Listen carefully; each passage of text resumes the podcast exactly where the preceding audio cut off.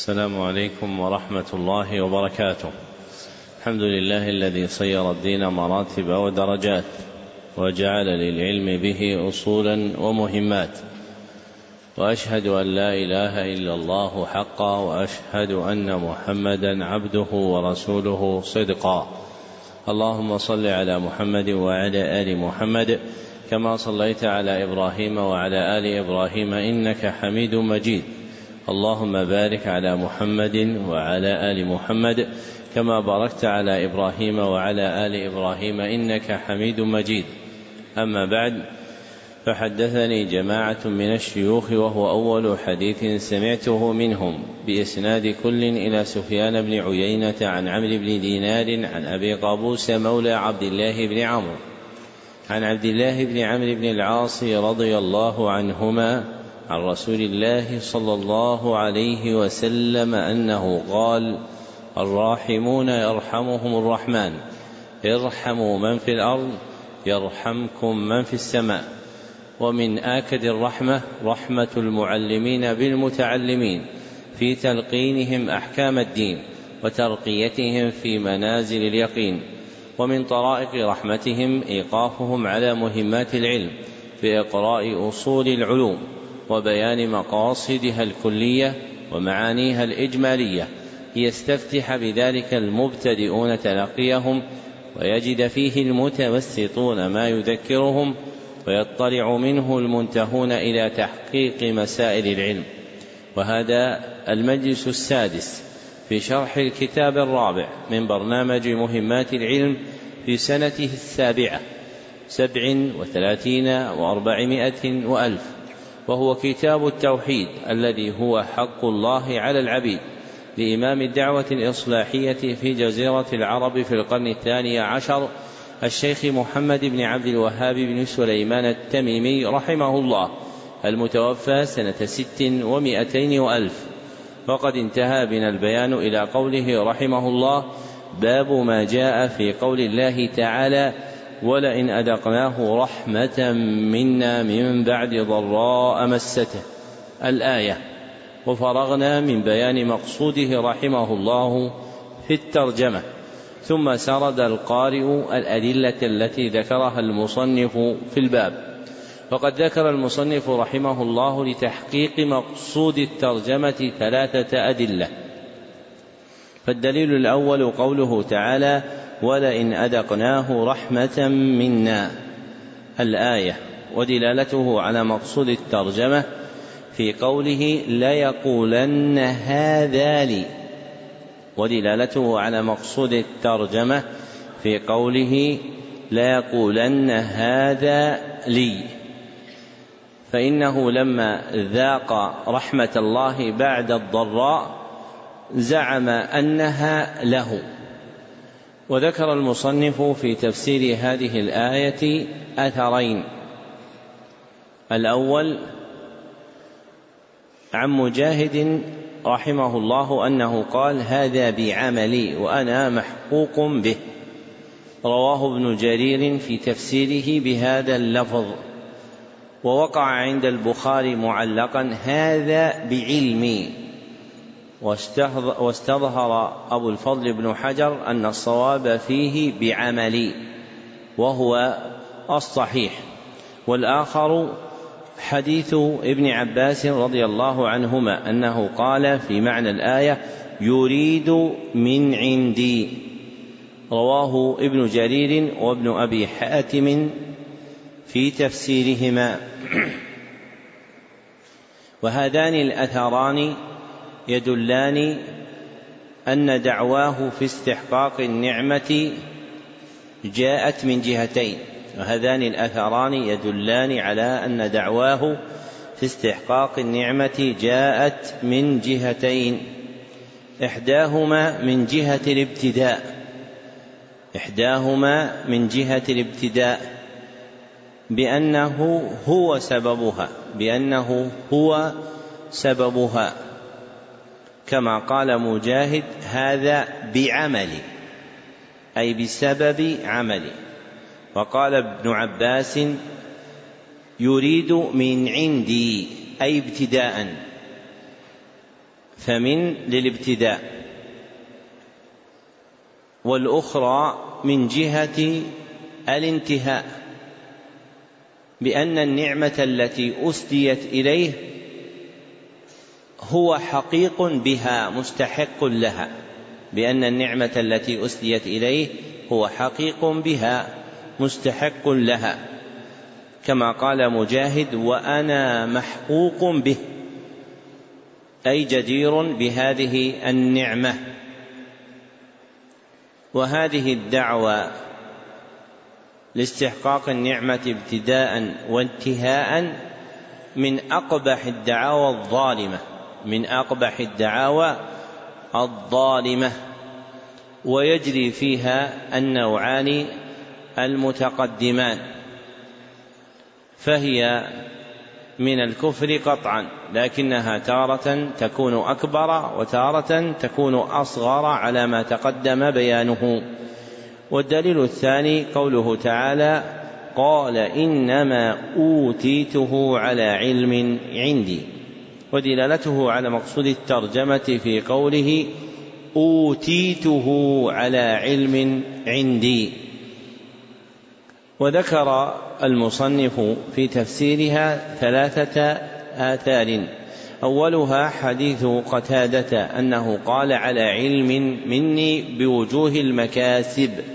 رواه عبد بن حميد وابن المنذر وابن أبي حاتم في تفاسيرهم. وثانيها أثر السدي واسمه إسماعيل بن عبد الرحمن أنه قال على علم من الله أني له أهل على علم من الله أني له أهل. رواه عبد بن حميد وابن أبي حاتم في تفسيريهما. والسدي هو المراد بقوله وقال آخرون. وثالثها حديث مجاهد أنه قال أوتيته على شرف رواه ابن جرير في تفسيره. وهذه الأقوال الثلاثة تشتمل على دعوى الاستحقاق للنعمة ابتداء وانتهاء. فقوله في حديث قتادة على علم مني بوجوه المكاسب على علم مني بوجوه المكاسب وقوله وقوله في أثر مجاهد أوتيته على شرف يدلان على أنه يزعم استحقاقها باعتبار المبتدأ فهو عليم بوجوه المكاسب قادر على جلب تلك النعمة إلى نفسه. وهو كذلك ممن يتأثل النعم شرفا عن آبائه وهو أيضا ممن يتأثل النعمة شرفا عن آبائه. وقوله في أثر مجاهد في أثر السدي على علم من الله أني له أهل أي مستحق لها باعتبار المنتهى أي مستحق لها باعتبار المنتهى. فهو يرى نفسه جديرا بوصول النعمة المسداة إليه بعد الضراء التي أصابته. والقول فيها أنها من جنس الدعوة المتقدمة في الظلم ويجري فيها النوعان السابق. ذكرهما في إضافة النعمة إلى غير الله سبحانه وتعالى. والدليل الثالث حديث أبي هريرة رضي الله عنه أنه سمع رسول الله صلى الله عليه وسلم يقول إن ثلاثة من بني إسرائيل من بني إسرائيل. الحديث متفق عليه. ويسمى حديث الأبرص والأقرع والأعمى. ويسمى حديث الأبرص والأقرع والأعمى. ودلالته على مقصود الترجمة في قوله فإنما ابتليتم فقد رضي الله عنك وسخط على صاحبيك. فقد رضي الله عنك وسخط على صاحبيك. وموجب الرضا عن الأعمى ثلاثة أشياء. وموجب الرضا عن الأعمى ثلاثة أشياء. أولها اعترافه بنعمة الله. اعترافه بنعمة الله. لقوله قد كنت أعمى. لاعتراف لقوله قد كنت أعمى. وثانيها نسبة تلك النعمة إلى الله. نسبة تلك النعمة إلى الله. في قوله فرد الله إلي بصري. فرد الله إلي بصري. وثالثها في أدائه حق الله في نعمته. ثالثها في أدائه حق الله في نعمته. لقوله فخذ من فخذ ما شئت ودع ما شئت فوالله لا أجهدك اليوم في شيء أخذته لله. وموجب السخط على الأقرع والأبرص ثلاثة أشياء. وموجب السخط على الأقرع والأبرص ثلاثة أشياء.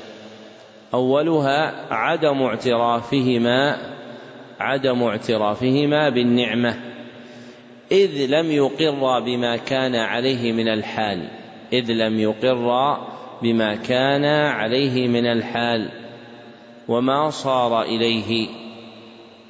وثانيها في نسبتهما النعمة إلى غير الله عز وجل في نسبتهما النعمة إلى غير الله عز وجل.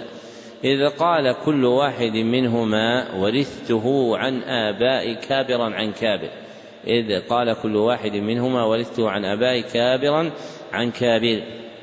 وثالثها منعهما حق الله في ابن السبيل. منعهما حق الله في ابن السبيل إذ منعاه ما يتبلغ به في سفره. نعم. أحسن الله إليكم. قال رحمه الله فيه مسائل. الأولى تفسير الآية الثانية ما معنى ليقولن هذا لي. الثالثة ما معنى قوله إنما أوتيته على علم عندي. الرابعة ما في هذه القصة العجيبة من العبر العظيمة. قال المصنف رحمه الله باب قول الله تعالى فلما آتاهما صالحا جعلا له شركاء فيما آتاهما. الآية مقصود الترجمة بيان أن تعبيد الأسماء لغير الله من الشرك. بيان أن تعبيد الأسماء لغير الله من الشرك. بأن يسمى الرجل عبد النبي أو عبد الحسين أو تسمى المرأة عبدة الزهراء أو أمة الزهراء. نعم. أحسن الله إليكم. قال رحمه الله. قال ابن حزم رحمه الله. اتفقوا على تحريم كل اسم معبد لغير الله كعبد عمرو وعبد الكعبة وما أشبه ذلك. حاشا عبد المطلب. وعن ابن عباس رضي الله عنهما في الآية قال لما تغشاها آدم حملت فأتاهما إبليس فقال إني صاحبكما الذي أخرجتكما من الجنة لتطيعني أو لأجعلن له قرني أيل فيخرج من بطنك فيشقه ولا أفعلن ولا أفعلن يخوفهما سمياه عبد الحارث فأبيا أن يطيعاه. فخرج ميتا ثم حملت فأتاهما فقال مثل قوله فأبيا أن يطيعاه فخرج ميتا ثم حملت فأتاهما فذكر لهما فأدركهما حب الولد فسمياه عبد الحارث فذلك قوله تعالى جعلا له شركاء فيما آتاهما. رواه ابن أبي حاتم. وله بسند صحيح عن قتادة قال شركاء في طاعته ولم يكن في عبادته. وله بسند صحيح عن مجاهد في قوله لئن آتيتنا صالحا. قال أشفق أن لا يكون إنسانا. وذكر معناه عن الحسن وسعيد وغيرهما. ذكر المصنف رحمه الله لتحقيق مقصود الترجمة ثلاثة أدلة فالدليل الأول قوله تعالى فلما آتاهما صالحا الآية.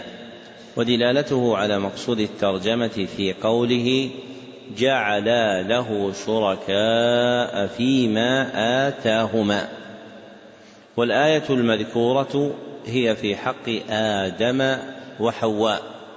صح هذا عن سمرة بن جندب عند ابن جرير في تفسيره. وروي عن ابن عباس من وجوه يشد بعضها بعضا. وتفسير الصحابي في مثل هذا حجة.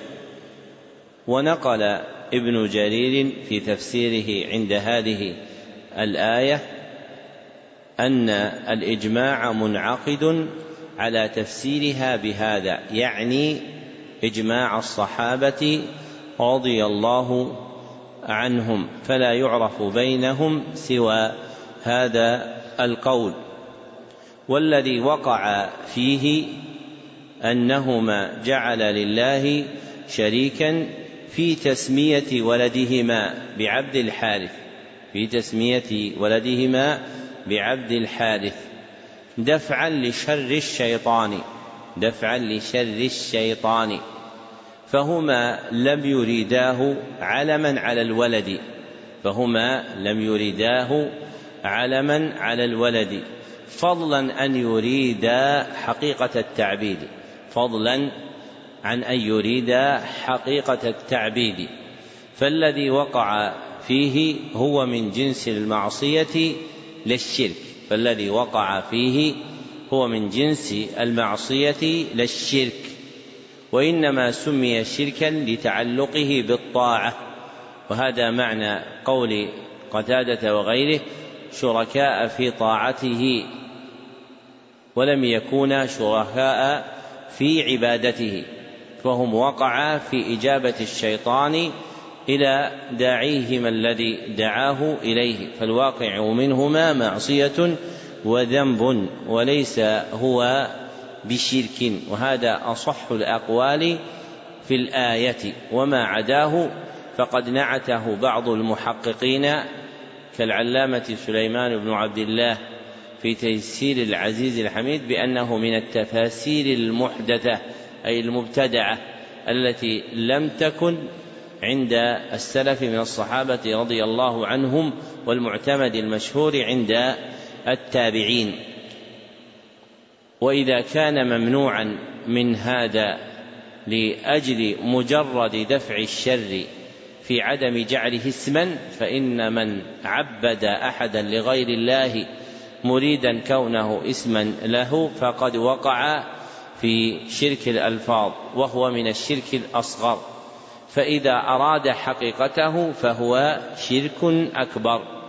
فالأسماء المعبدة لغير الله يجري فيها حكمان. فالأسماء المعبدة لغير الله يجري فيها حكمان. أحدهما الشرك الأصغر.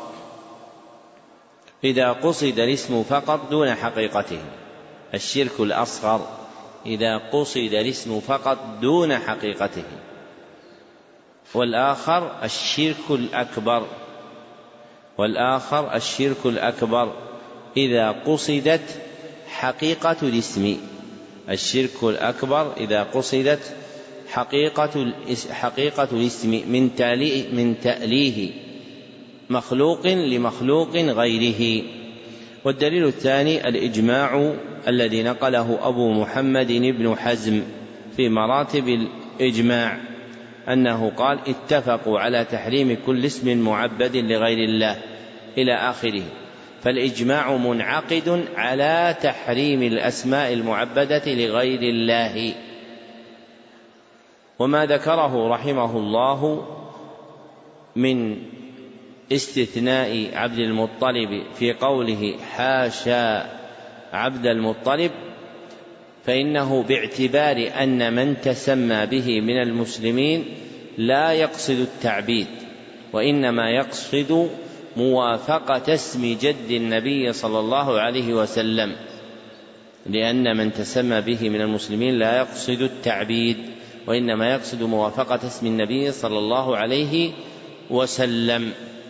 فقال من قال بجوازه فقال من قال بجوازه. والصحيح عدم الجواز أيضا والصحيح عدم الجواز أيضا. والدليل الثالث حديث ابن عباس رضي الله عنه أنه قال في الآية لما تغشاها آدم حملت. الحديث رواه ابن أبي حاتم وابن جرير أيضا. وإسناده ضعيف. ويروى بأسانيد أخرى. عن ابن عباس يدل مجموعها على ثبوت أصل القصة دون تفاصيلها. يدل مجموعها على ثبوت أصل القصة دون تفاصيلها. وهذا أصل نافع في المرويات في التفسير فإن كثيرا منها يصح أصله دون تفاصيله. ثم يرقب المتكلم في التفاسير التفاصيل فيقع في الغلط في التفسير. فإذا ثبت الأصل أخذ به وأما التفاصيل فإنها ربما أوقعت في الغلط في معنى الآية. كالواقع عند كثير من المفسرين في بيان معنى هذه الآية فإن غلطهم نشأ من ملاحظة تفصيل الحكاية مما لا يصح. وأما أصلها فإنه ثابت. ودلالته على مقصود الترجمة كدلالة الآية فإنه بيان لمعناها فالقول في هذا الحديث كالقول في الآية التي تتعلق به وهي الدليل الأول من أدلة الباب. نعم. قال رحمه الله في مسائل الأولى تحريم كل اسم معبد لغير الله الثانية تفسير الآية الثالثة أن هذا الشرك في مجرد تسمية لم تقصد حقيقتها. الرابعة أن هبة الله للرجل البنت السوية من النعم. الخامسة ذكر السلف الفرق بين الشرك في الطاعة والشرك في العبادة. قال المصنف رحمه الله باب قول الله تعالى ولله الأسماء الحسنى فادعوه بها وذروا الذين يلحدون في أسمائه. الآية مقصود الترجمة بيان أن الإلحاد في أسماء الله مما ينافي التوحيد.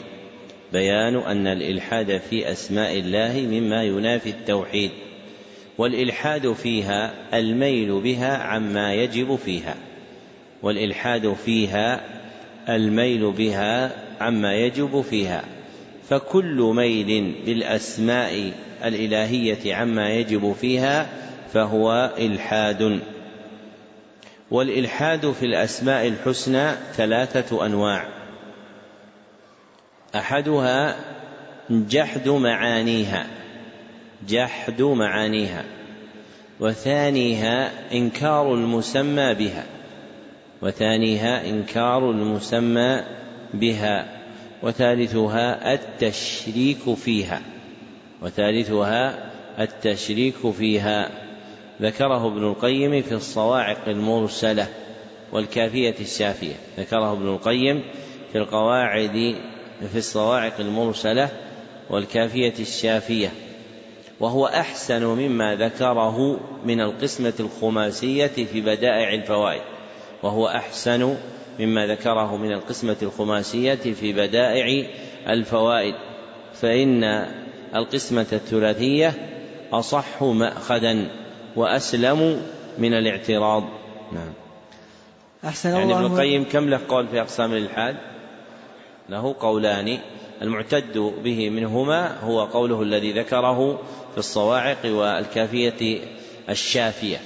وجماعة من النظار من بحور العلم تجد لهم أقوالا يخالف بعضها بعضا لأنها تار لأنهم تارة يسترسلون مع المشهور وتارة يحققون في المسائل والذي يفرح به هو ما انتهوا إليه من التحقيق. وهذا واقع في كلام ابن تيمية النميري وأبي عبد الله ابن القيم وأبي الفضل ابن حجر في آخرين من بحور العلم.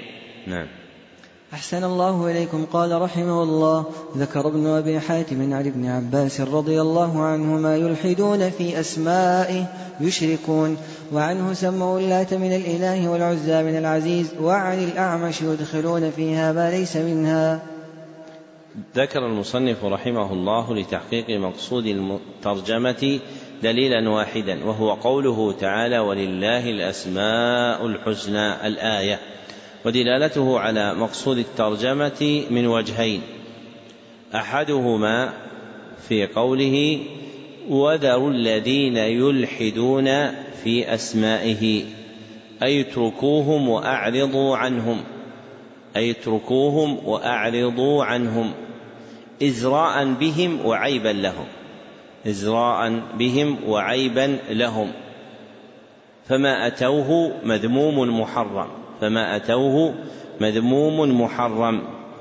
والآخر في قوله سيجزون ما كانوا يعملون. والآخر في قوله سيجزون ما كانوا يعملون.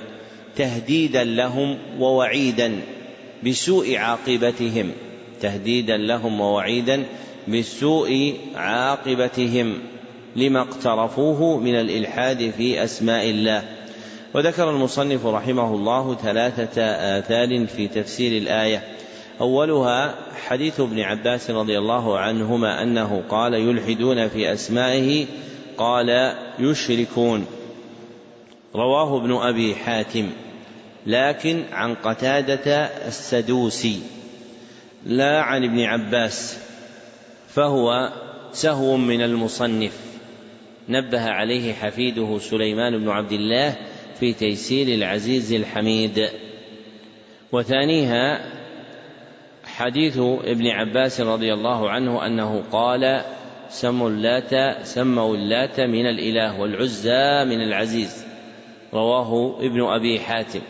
أي أنهم اشتقوا أسماء لآلهتهم من أسماء الله سبحانه وتعالى. وهذا من الإلحاد في أسماء الله. وثالثها حديث الأعمش واسمه سليمان بن مهران أنه قال يدخلون فيها ما ليس منها أي يجعلون من أسماء الله عز وجل ما لم يسم به نفسه ولا سماه به رسوله صلى الله عليه وسلم. نعم. أحسن الله إليكم. قال رحمه الله فيه مسائل. الأولى إثبات الأسماء الثانية كونها حسنى الثالثة الأمر بدعائه بها الرابعة ترك من عارض من الجاهلين الملحدين الخامسة تفسير الإلحاد فيها السادسة وعيد من ألحد. قال المصنف رحمه الله باب لا يقال السلام على الله. مقصود الترجمة بيان النهي عن قول السلام على الله. بيان النهي عن قول السلام على الله. وجيء بالنفي المتضمن النهي وزيادة تأكيدا للتحريم. وجيء بالنفي المتضمن النهي وزيادة تأكيدا على التحريم وتحقيقا لمقام التوحيد. نعم.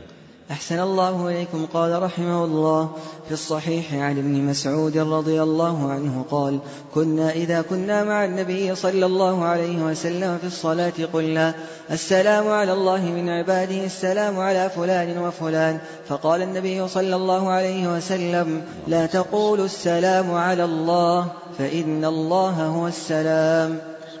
ذكر المصنف رحمه الله لتحقيق مقصود الترجمة دليلا واحدا وهو حديث عبد الله بن مسعود رضي الله عنه أنه قال كنا إذا كنا مع النبي صلى الله عليه وسلم. الحديث متفق عليه ودلالته على مقصود الترجمة من وجهين أحدهما في قوله لا تقولوا السلام على الله وهو نهي والنهي للتحريم. والآخر في قوله فإن الله هو السلام إعلاما باستغنائه سبحانه وتعالى عن دعاء المخلوقين له إعلاما باستغناء الله سبحانه وتعالى عن دعاء المخلوقين له لأنه السالم من كل نقص لأنه السالم من كل ناقص. الموصوف بصفات الكمال. نعم. أحسن الله إليكم. قال رحمه الله فيه مسائل الأولى تفسير السلام الثانية أنه تحية الثالثة أنها لا تصلح لله. الرابعة العلة في ذلك الخامسة تعليمهم التحية التي تصلح لله. قال المصنف رحمه الله باب قول اللهم اغفر لي إن شئت. مقصود الترجمة بيان حكم قول اللهم اغفر لي إن شئت. بيان حكم قول اللهم اغفر لي إن شئت. نعم.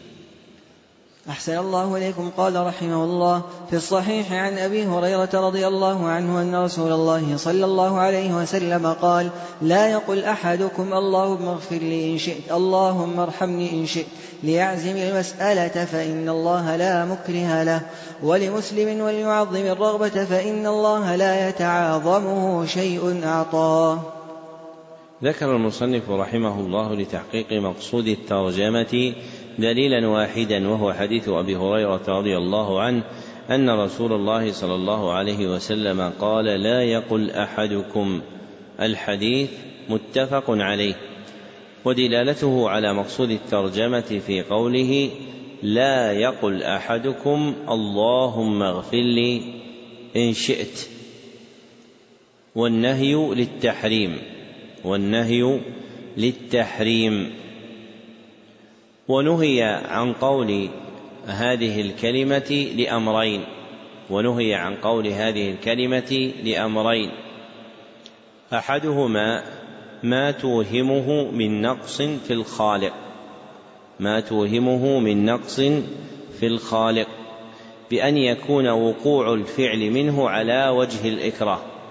بأن يكون وقوع الفعل منه على وجه الإكراه. ولذلك قال في الحديث فإن الله لا مكره له. والآخر ما توهمه من نقص في المخلوق. ما توهمه من نقص في المخلوق. وهو ضعف رغبته وفتور عزيمته. وهو ضعف رغبته وفتور عزيمته في دعائه الله. حتى كأنه يستكثر إجابته. حتى كأنه يستكثر إجابته. ولذلك قال ليعزم المسألة. وقال فإن الله لا يتعاظمه شيء أعطاه. نعم. قال رحمه الله فيه مسائل. الأولى النهي عن الاستثناء في الدعاء الثانية بيان العلة في ذلك الثالثة قوله ليعزم المسألة الرابعة إعظام الرغبة الخامسة التعليل لهذا الأمر. قال المصنف رحمه الله باب لا يقول عبدي وأمتي. مقصود الترجمة بيان النهي عن قول عبدي وأمتي. بيان النهي عن قول عبدي وأمتي وجيء فيه بالنفي وجيء فيه بالنفي لتضمنه التحريم وزيادة لتضمنه التحريم وزيادة. نعم. قال رحمه الله في الصحيح عن أبي هريرة رضي الله عنه أن رسول الله صلى الله عليه وسلم قال لا يقل أحدكم أطعم ربك وأضئ ربك وليقل سيدي ومولاي ولا يقل أحدكم عبدي وأمتي وليقل فتاي وفتاتي وغلامي. ذكر المصنف رحمه الله لتحقيق مقصود الترجمة دليلا واحدا وهو حديث أبي هريرة رضي الله عنه أن رسول الله صلى الله عليه وسلم قال لا يقل أحدكم الحديث متفق عليه ودلالته على مقصود الترجمة في قوله ولا يقل أحدكم عبدي وأمتي في قوله ولا يقل أحدكم عبدي وأمتي والنهي للتحريم والنهي للتحريم.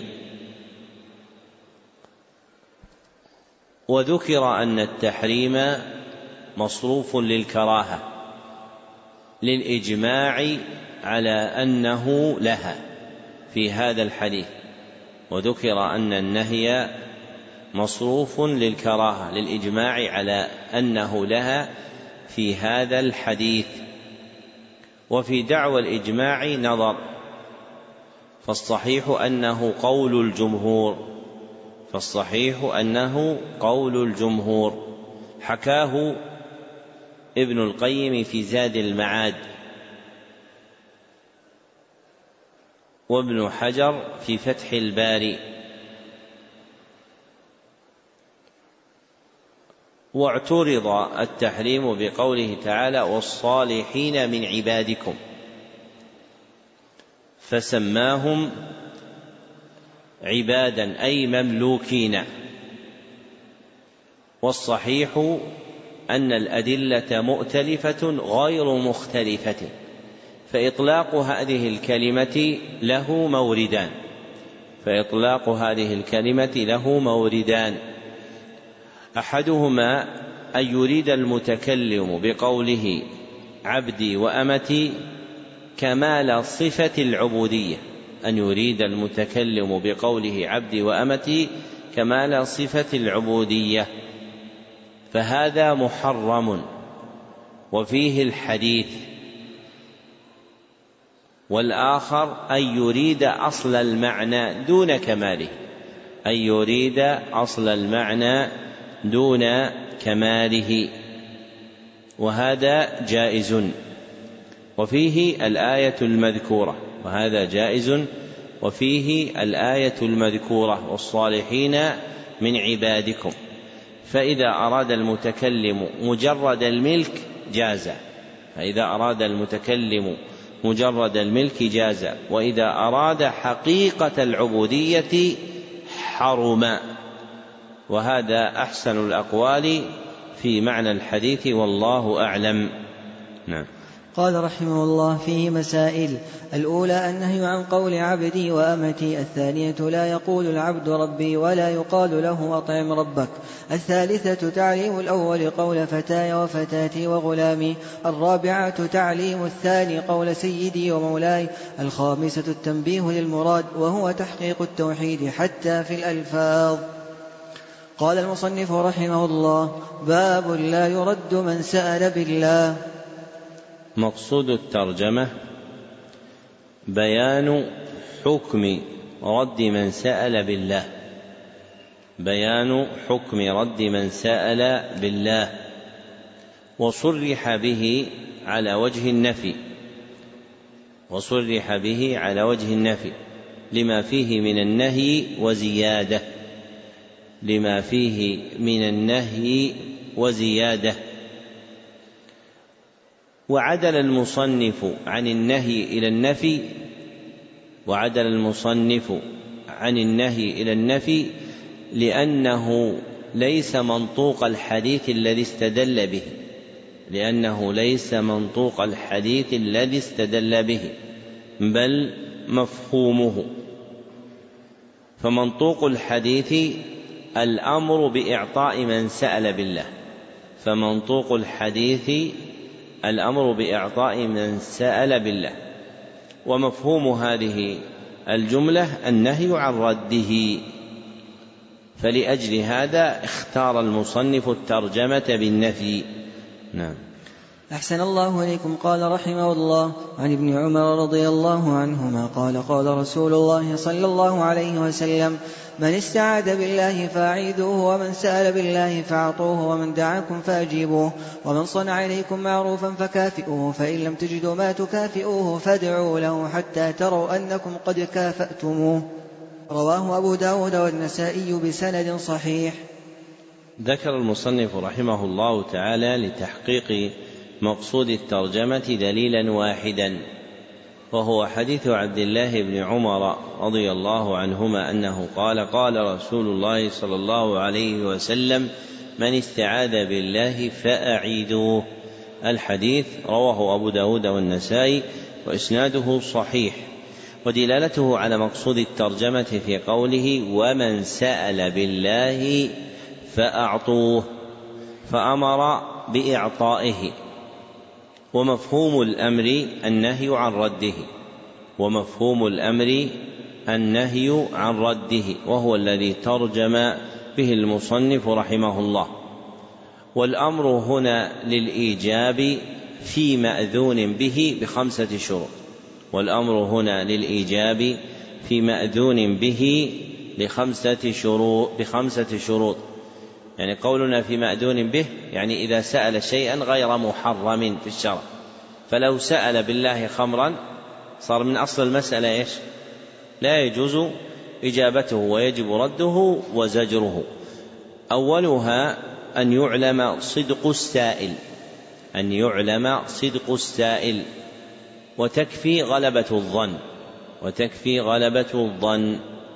وثانيها أن يكون السائل متوجها في سؤاله لمسؤول معين أن يكون السائل متوجها في سؤاله لمسؤول معين والثالث أن يكون توجهه إليه في أمر معين أن يكون توجهه إليه في أمر معين.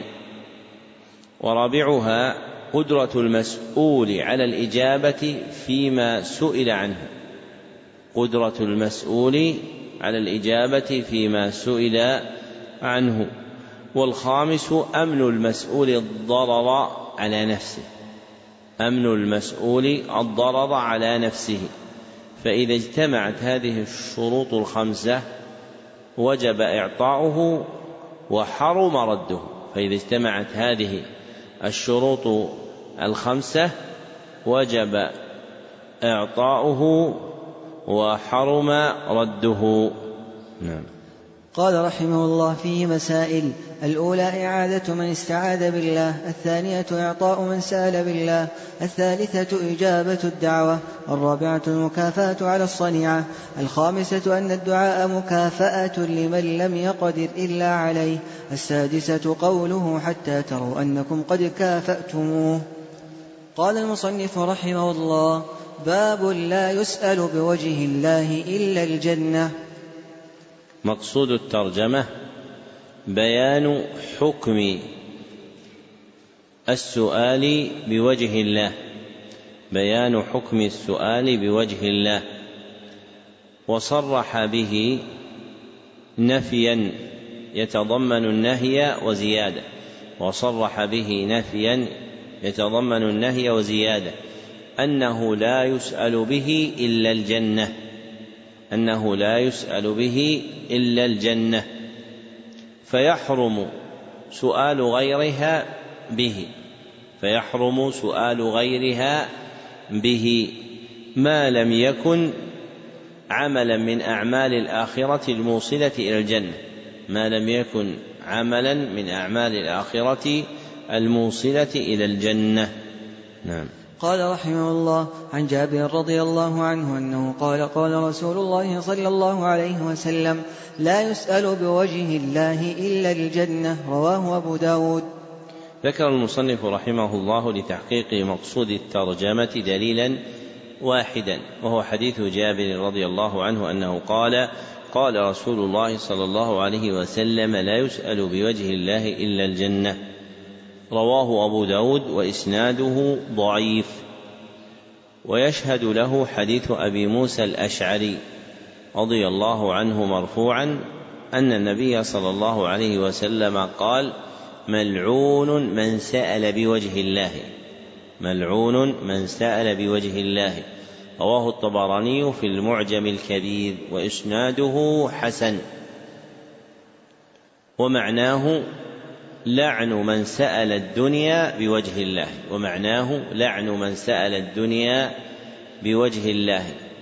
فإن إطلاق السؤال في خطاب الشرع يراد به ما تعلق بالدنيا فإن إطلاق السؤال في خطاب الشرع يراد به ما تعلق بالدنيا.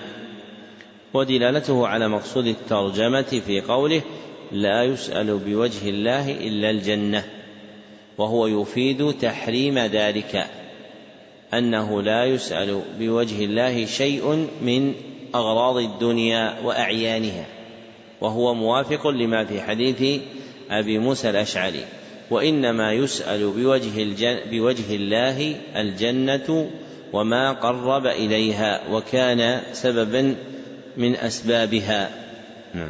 قال رحمه الله في مسائل الأولى النهي عن أن يسأل بوجه الله إلا غاية المطالب الثانية إثبات صفة الوجه. قال المصنف رحمه الله باب ما جاء في اللو. مقصود الترجمة بيان حكم قول لو. بيان حكم قول لو. على وجه التندم والأسى على ما فات. بيان حكم قول لو على وجه الأسى والتندم على ما فات. فالمراد بيانه من أحكامها مخصوص بهذا المعنى. فالمراد بيانه من أحكامها مخصوص بهذا المعنى. فالمصنف لم يرد بيان جميع أحكامها. فالمصنف لم يرد بيان جميع أحكامها. وخص المحل بالمورد المذكور لتعلقه بالتوحيد وخص المحل بالمورد المذكور لتعلقه بالتوحيد إذا قالها تأسفا وتندما على شيء فات. نعم. أحسن الله إليكم. قال رحمه الله وقول الله تعالى يقولون لو كان لنا من الأمر شيء ما قتلنا هاهنا الآية. وقوله الذين قالوا لإخوانهم وقعدوا لو أطاعونا ما قتلوا. الآية في الصحيح عن أبي هريرة رضي الله عنه أن رسول الله صلى الله عليه وسلم قال احرص على ما ينفعك واستعن بالله ولا تعجزن. وإن أصابك شيء فلا تقل لو أني فعلت كذا لكان كذا وكذا ولكن قل قدر الله وما شاء فعل فإن لو تفتح عمل الشيطان. ذكر المصنف رحمه الله لتحقيق مقصود الترجمة ثلاثة أدلة فالدليل الأول قوله تعالى يقولون لو كان لنا من الأمر شيء. الآية. ودلالته على مقصود الترجمة في قوله يقولون لو كان لنا خبرا عن المنافقين. فالمتكلم بهذه الكلمة لو على وجه الأسى والتندم على ما فات معارضا القدر هو قول من أقوال المنافقين. يفيد التحريم يفيد التحريم. فإنما كان شعارا للمنافقين من قول أو فعل فهو محرم. فإنما كان شعارا للمنافقين من قول أو فعل فهو محرم. هذه قاعدة نافعة في الأحكام لكن عليها إشكال كبير وهو كيف نعرف شعار المنافقين؟ نعم. يعرف ذلك من أدلة الشرع فإن كثيرا من الناس يجازف فيقول هذا قول المنافقين أو هذا فعل المنافقين. فمثلا إحدى السنوات عندنا لما أبدت وزارة الصحة نصيحتها بأن من حج فلا يتوجه للحج لأجل مخافة وباء ما قال من قال هذا قول المنافقين ليصدوا عن الحج وهذا من الجهل البالغ فإن المتكلم بهذا أراد السعي في سبب مشروع في حفظ الصحة فالمبادرة إلى جعل شيء من شعار المنافقين بلا دليل شرعي غلط محض ومن كثر علمه عظم عذره فهو يعذر الناس ويعرف مواقع كلامهم وأفعالهم. ومن قل علمه تجرأ على هذه المقالات وأشباهها. والدليل الثاني قوله تعالى الذين قالوا لإخوانهم وقعدوا. الآية ودلالته على مقصود الترجمة في قوله لو أطاعونا ما قتلوا. وهذا من قول المنافقين قالوه يوم أحد معارضين القدر على وجه التأسف والندم والأسى على ما فات وهو محرم على ما سبق بيانه. والدليل الثالث حديث أبي هريرة رضي الله عنه أن رسول الله صلى الله عليه وسلم قال احرص على ما ينفعك. الحديث رواه مسلم. ودلالته على مقصود الترجمة في قوله وإن أصابك شيء فلا تقل لو أني فعلت كذا وكذا. حتى قال فإن لو تفتح عمل الشيطان. والنهي للتحريم. والنهي للتحريم. فقولها تندما وأسا وتأسفا على ما فات محرم. لما فيه من ملامة القدر والاعتراض عليه. وقول لو على وجه التندم يجيء على ثلاثة أنواع وقول لو على وجه التندم والأسى على ما فات يجيء على ثلاثة أنواع. أحدها أن يقولها متندما معارضا حكم الشرع. أن يقولها متندما معارضا حكم الشرع. وثانيها أن يقولها متندما معارضا حكم القدر. أن يقولها متندما معارضا حكم القدر. أي وثالثها أن يقولها متندما من غير معارضة حكم الشرع ولا القدر. أن يقولها متندما من غير معارضة حكم الشرع ولا القدر.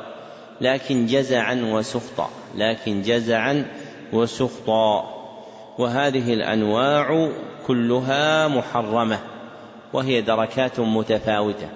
وهذه الأنواع كلها محرمة وهي دركات متفاوتة. وربما جرت العبد إلى الوقوع في الكفر. نعم. أحسن الله إليكم. قال رحمه الله فيه مسائل. الأولى تفسير الآيتين في آل عمران. الثانية النهي الصريح عن قول لو أني إذا صابك شيء. الثالثة تعين المسألة بأن ذلك يفتح عمل الشيطان. الرابعة الإرشاد إلى الكلام الحسن. الخامسة الأمر بالحرص على ما ينفع مع الاستعانة بالله. السادسة النهي عن ضد ذلك وهو العجز. قال المصنف رحمه الله باب النهي عن سب الريح. مقصود الترجمة بيان النهي عن سب الريح. والسب هو الشتم. والسب هو الشتم. والنهي يدل على التحريم في أصله. والنهي يدل على التحريم في أصله. فالترجمة معقودة لبيان حرمة سب الريح. فالترجمة معقودة لبيان حرمة سب الريح. نعم. أحسن الله إليكم. قال رحمه الله عن أبي بن كعب رضي الله عنه أن رسول الله صلى الله عليه وسلم قال لا تسبوا الريح فإذا رأيتم ما تكرهون فقولوا اللهم إنا نسألك من خير هذه الريح وخير ما فيها وخير ما أمرت به ونعوذ بك من شر هذه الريح وشر ما فيها وشر ما أمرت به. صححه الترمذي. ذكر المصنف رحمه الله لتحقيق مقصود الترجمة دليلا واحدا وهو حديث أبي بن كعب رضي الله عنه أن رسول الله صلى الله عليه وسلم قال لا تسبوا الريح. الحديث رواه النسائي رواه الترمذي والنسائي واختلف في رفعه ووقفه والمحفوظ فيه أنه موقوف من كلام أبي والمحفوظ فيه أنه موقوف من كلام أبي وله شاهد مرفوع من حديث أبي هريرة عند الترمذي عند أبي داود وابن ماجه وله شاهد مرفوع من حديث أبي هريرة عند أبي داود وابن ماجه وإسناده حسن فيقوى به هذا الحديث. ودلالته على مقصود الترجمة في قوله لا تسبوا الريح فإنه نهي والنهي للتحريم فإنه نهي والنهي للتحريم. ونهي عن سب الريح لأنها لا فعل لها فهي مأمورة بأمر الله. ونهي عن سب الريح لأنه لا فعل لها فهي مأمورة بأمر الله. نعم. أحسن الله إليكم. قال رحمه الله فيه مسائل الأولى النهي عن سب الريح الثانية الإرشاد إلى الكلام النافع إذا رأى الإنسان ما يكره الثالثة الإرشاد إلى أنها مأمورة الرابعة أنها قد تؤمر بخير وقد تؤمر بشر. قال المصنف رحمه الله باب قول الله تعالى يظنون بالله غير الحق ظن الجاهلية. يقولون هل لنا من الأمر من شيء؟ قل إن الأمر كله لله. الآية. مقصود الترجمة بيان حكم ظن الجاهلية. بيان حكم ظن الجاهلية. وظن الجاهلية هو ظن العبد بربه ما لا يليق وظن الجاهلية هو ظن العبد بربه ما لا يليق. والجاهلية اسم لما كانت عليه العرب قبل الإسلام وما أضيف إليها فهو محرم. والجاهلية اسم لما كانت عليه العرب قبل الإسلام. وما أضيف إليها فهو محرم. فيكون هذا الظن محرما. فيكون هذا الظن محرما. وهو نوعان. أحدهما ظن العبد بربه ما لا يليق مما يرجع إلى أصل الإيمان. ظن العبد بربه ما لا يليق مما يرجع إلى أصل الإيمان. كمن يعتقد أن لله ولدا وهذا كفر أكبر. كمن يعتقد أن لله ولدا وهذا كفر أكبر. والآخر ظن العبد بربه ما لا يليق مما يرجع إلى كمال الإيمان. مما يرجع إلى كمال الإيمان.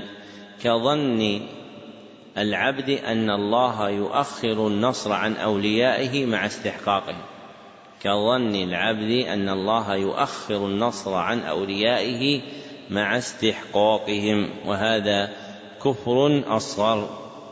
نعم. قال رحمه الله وقوله الظانين بالله ظن السوء عليهم دائرة السوء. الآية قال ابن القيم رحمه الله تعالى في الآية الأولى فسر هذا الظن بأنه سبحانه لا ينصر رسوله وأن أمره سيضمحل. وفسر بأن ما أصابه لم يكن بقدر الله وحكمته وفسر بإنكار الحكمة وإنكار القدر وإنكار أن يتم أمر رسوله وأن يظهره على الدين كله. وهذا هو ظن السوء الذي ظن المنافقون والمشركون في سورة الفتح. وإنما كان هذا ظن السوء لأنه ظن غير ما يليق به سبحانه وما يليق بحكمته وحمده ووعده الصادق. فمن ظن أنه يديل الباطل على الحق إدالة مستقرة يضمحل معها الحق أو أنكر أن يكون ما جرى بقضائه وقدره أو أنكر أن يكون قدره لحكمة بالغة يستحق عليها الحمد. بل زعم أن ذلك لمشيئة مجردة فذلك ظن الذين كفروا فويل الذين كفروا من النار. وأكثر الناس يظنون بالله ظن السوء فيما يختص بهم وفيما يفعله بغيرهم ولا يسلم من ذلك إلا من عرف الله وأسماءه وصفاته وموجب حكمته وحمده. فليعتني اللبيب الناصح لنفسه بهذا وليتب إلى الله ويستغفره من ظنه بربه ظن السوء. ولو فتشت من فتشت لرأيت عنده تعنتا على القدر وملامة له. وأنه كان ينبغي أن يكون كذا وكذا فمستقل ومستكثر. وفتش نفسك هل أنت سالم؟ فإن تنجو منها تنجو من ذي عظيمة وإلا فإني لا إخالك ناجيا. ذكر المصنف رحمه الله لتحقيق مقصود الترجمة دليلين. فالدليل الأول قوله تعالى يظنون بالله غير الحق ظن الجاهلية الآية. ودلالته على مقصود الترجمة من ثلاثة وجوه. أولها في قوله يظنون بالله خبرا عن المنافقين خبرا عن المنافقين. وما كان شعارا لهم من قول أو فعل فهو محرم. وثانيها في قوله غير الحق في قوله غير الحق فهو ظن باطل. قال الله تعالى فماذا بعد الحق إلا الضلال. وثالثها في قوله ظن الجاهلية. فكل مضاف إليها محرم. والدليل الثاني قوله تعالى الظانين بالله ظن السوء. الآية ودلالته على مقصود الترجمة من ثلاثة وجوه. أحدها في قوله الظانين بالله خبرا عن ظن المنافقين والمشركين خبرا عن ظن المنافقين والمشركين وكل شيء أضيف إليهم قولا أو فعل وكل شيء أضيف إليهم من قول أو فعل على وجه الاختصاص بهم فهو محرم. وثانيها في قوله ظن السوء فسماه الله ظن سوء. والسوء اسم لما قبح من المحرمات. وثالثها في قوله عليهم دائرة السوء أي دائرة العذاب وعيدا لهم على ما اقترفوه. وإعلاما بأنه محرم للعذاب عليه وإعلاما بأنه محرم للعذاب عليه. ثم ذكر المصنف كلام ابن القيم رحمه الله في زاد المعاد في تفسير الآية الأولى وفي ضمنه تفسير الآية الثانية. قال رحمه الله فيه مسائل. الأولى تفسير آية آل عمران الثانية تفسير آية الفتح الثالثة الإخبار بأن ذلك أنواع لا تحصر الرابعة أنه لا يسع من ذلك إلا من عرف الأسماء والصفات وعرف نفسه. قال المصنف رحمه الله باب ما جاء في منكر القدر. مقصود الترجمة بيان حكم منكر القدر. بيان حكم منكر القدر. والقدر شرعا هو علم الله بالوقائع هو علم الله بالوقائع وكتابته لها هو علم الله بالوقائع وكتابته لها ومشيئته وخلقه إياها ومشيئته وخلقه إياها وإنكار القدر من ظن الجاهلية. وأفرد عن الترجمة السابقة تعظيما له. وأفرد عن الترجمة السابقة تعظيما له. نعم. قال رحمه الله وقال ابن عمر رضي الله عنهما والذي نفس ابن عمر بيده لو كان لأحد مثل أحد ذهبا ثم أنفقه في سبيل الله ما قبله الله منه حتى يؤمن بالقدر ثم استدل بقول النبي صلى الله عليه وسلم الإيمان أن تؤمن بالله وملائكته وكتبه ورسله واليوم الآخر وتؤمن بالقدر خيره وشره رواه مسلم وعن عبادة بن الصامت رضي الله عنه أنه قال لابنه يا بني إنك لن تجد طعم الإيمان حتى تعلم أن ما أصابك لم يكن ليخطئك وما أخطأك لم يكن ليصيبك. سمعت رسول الله صلى الله عليه وسلم يقول إن أول ما خلق الله القلم. فقال له اكتب. فقال رب وماذا أكتب؟ قال اكتب مقادير كل شيء حتى تقوم الساعة. يا بني سمعت رسول الله صلى الله عليه وسلم يقول من مات على غير هذا فليس مني. وفي رواية لأحمد إن أول ما خلق الله تعالى القلم فقال له اكتب. فجرى في تلك الساعة ما هو كائن إلى يوم القيامة. وفي رواية لابن وهب قال رسول الله صلى الله عليه وسلم فمن لم يؤمن بالقدر خيره وشره أحرقه بالنار. وفي المسند والسنن عن ابن الديلمي قال أتيت أبي بن كعب رضي الله عنه فقلت في نفسي شيء من القدر فحدثني بشيء لعل الله يذهبه من قلبي. فقال لو أنفقت مثل أحد ذهبا ما قبله الله منك حتى تؤمن بالقدر وتعلم أن ما أصابك لم يكن ليخطئك وما أخطأك لم يكن ليصيبك. ولو مت على غير هذا لكنت من أهل النار قال فأتيت عبد الله بن مسعود وحذيفة بن اليمان وزيد بن ثابت رضي الله عنهم فكلهم حدثني بمثل ذلك عن النبي صلى الله عليه وسلم حديث صحيح رواه الحاكم في صحيحه. ذكر المصنف رحمه الله لتحقيق مقصود الترجمة أربعة أدلة. فالدليل الأول حديث عبد الله بن عمر رضي الله عنهما أنه قال والذي نفس ابن عمر بيده. الحديث رواه مسلم.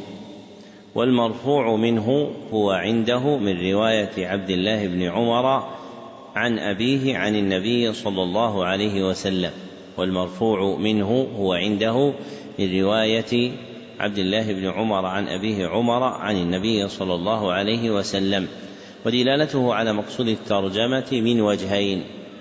أحدهما في قوله صلى الله عليه وسلم وتؤمن بالقدر خيره وشره فجعله أصلا من أصول الإيمان وركنا من أركانه فجعله أصلا من أصول الإيمان وركنا من أركانه فمن أنكره لم يكن مؤمنا وكان من أهل الكفر فمن أنكره لم يكن مؤمنا وكان من أهل الكفر.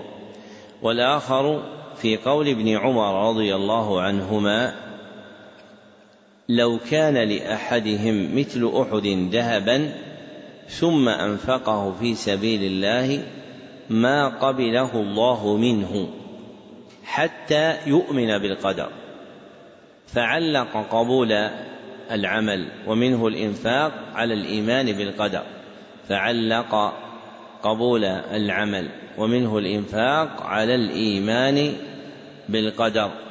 والذي لا يقبل الله منه جميع عمله هو الكافر. والذي لا يقبل الله منه جميع عمله هو الكافر. فإنكار القدر كفر. والدليل الثاني حديث عبادة بن الصامت رضي الله عنه أنه قال لابنه يا بني إنك لن تجد طعم الإيمان. الحديث رواه أبو داود والترمذي بإسنادين يقوي أحدهما الآخر فهو حديث حسن. ورواية أحمد فيها ضعف وتشهد لها الرواية السابقة. ودلالته على مقصود الترجمة من وجهين. أحدهما في قوله من مات على غير هذا فليس مني من مات على غير هذا فليس مني. أي فأنا بريء منه. أي فأنا بريء منه. وبراءته صلى الله عليه وسلم من فاعل تدل على أن فعله كبيرة. وبراءته صلى الله عليه وسلم من فاعل تدل على أن فعله كبيرة والكبيرة في وضع الشرع تشمل الكفر فما دونه والكبيرة في وضع الشرع تشمل الكبيرة تشمل الكفر فما دونه فإنكار القدر كبيرة من الكبائر وهو منها في مرتبة الكفر. والآخر في قوله إنك لن تجد طعم الإيمان حتى تعلم أن ما أصابك لم يكن ليخطئك وما أخطأك لم يكن ليصيبك. فعلق وجدان طعم الإيمان على الإيمان بالقدر. فعلق وجدان طعم الإيمان على الإيمان بالقدر. فيكون الإيمان بالقدر واجبا وركنا من أركان الإيمان فمن أنكره فهو كافر. والدليل الثالث حديث عبادة بن الصامت الذي عند ابن وهب فإنه حديث مستقل بأصله فإنه حديث مستقل بأصله. رواه ابن وهب في كتاب القدر وإسناده ضعيف ودلالته على مقصود الترجمة في قوله أحرقه الله بالنار أحرقه الله بالنار.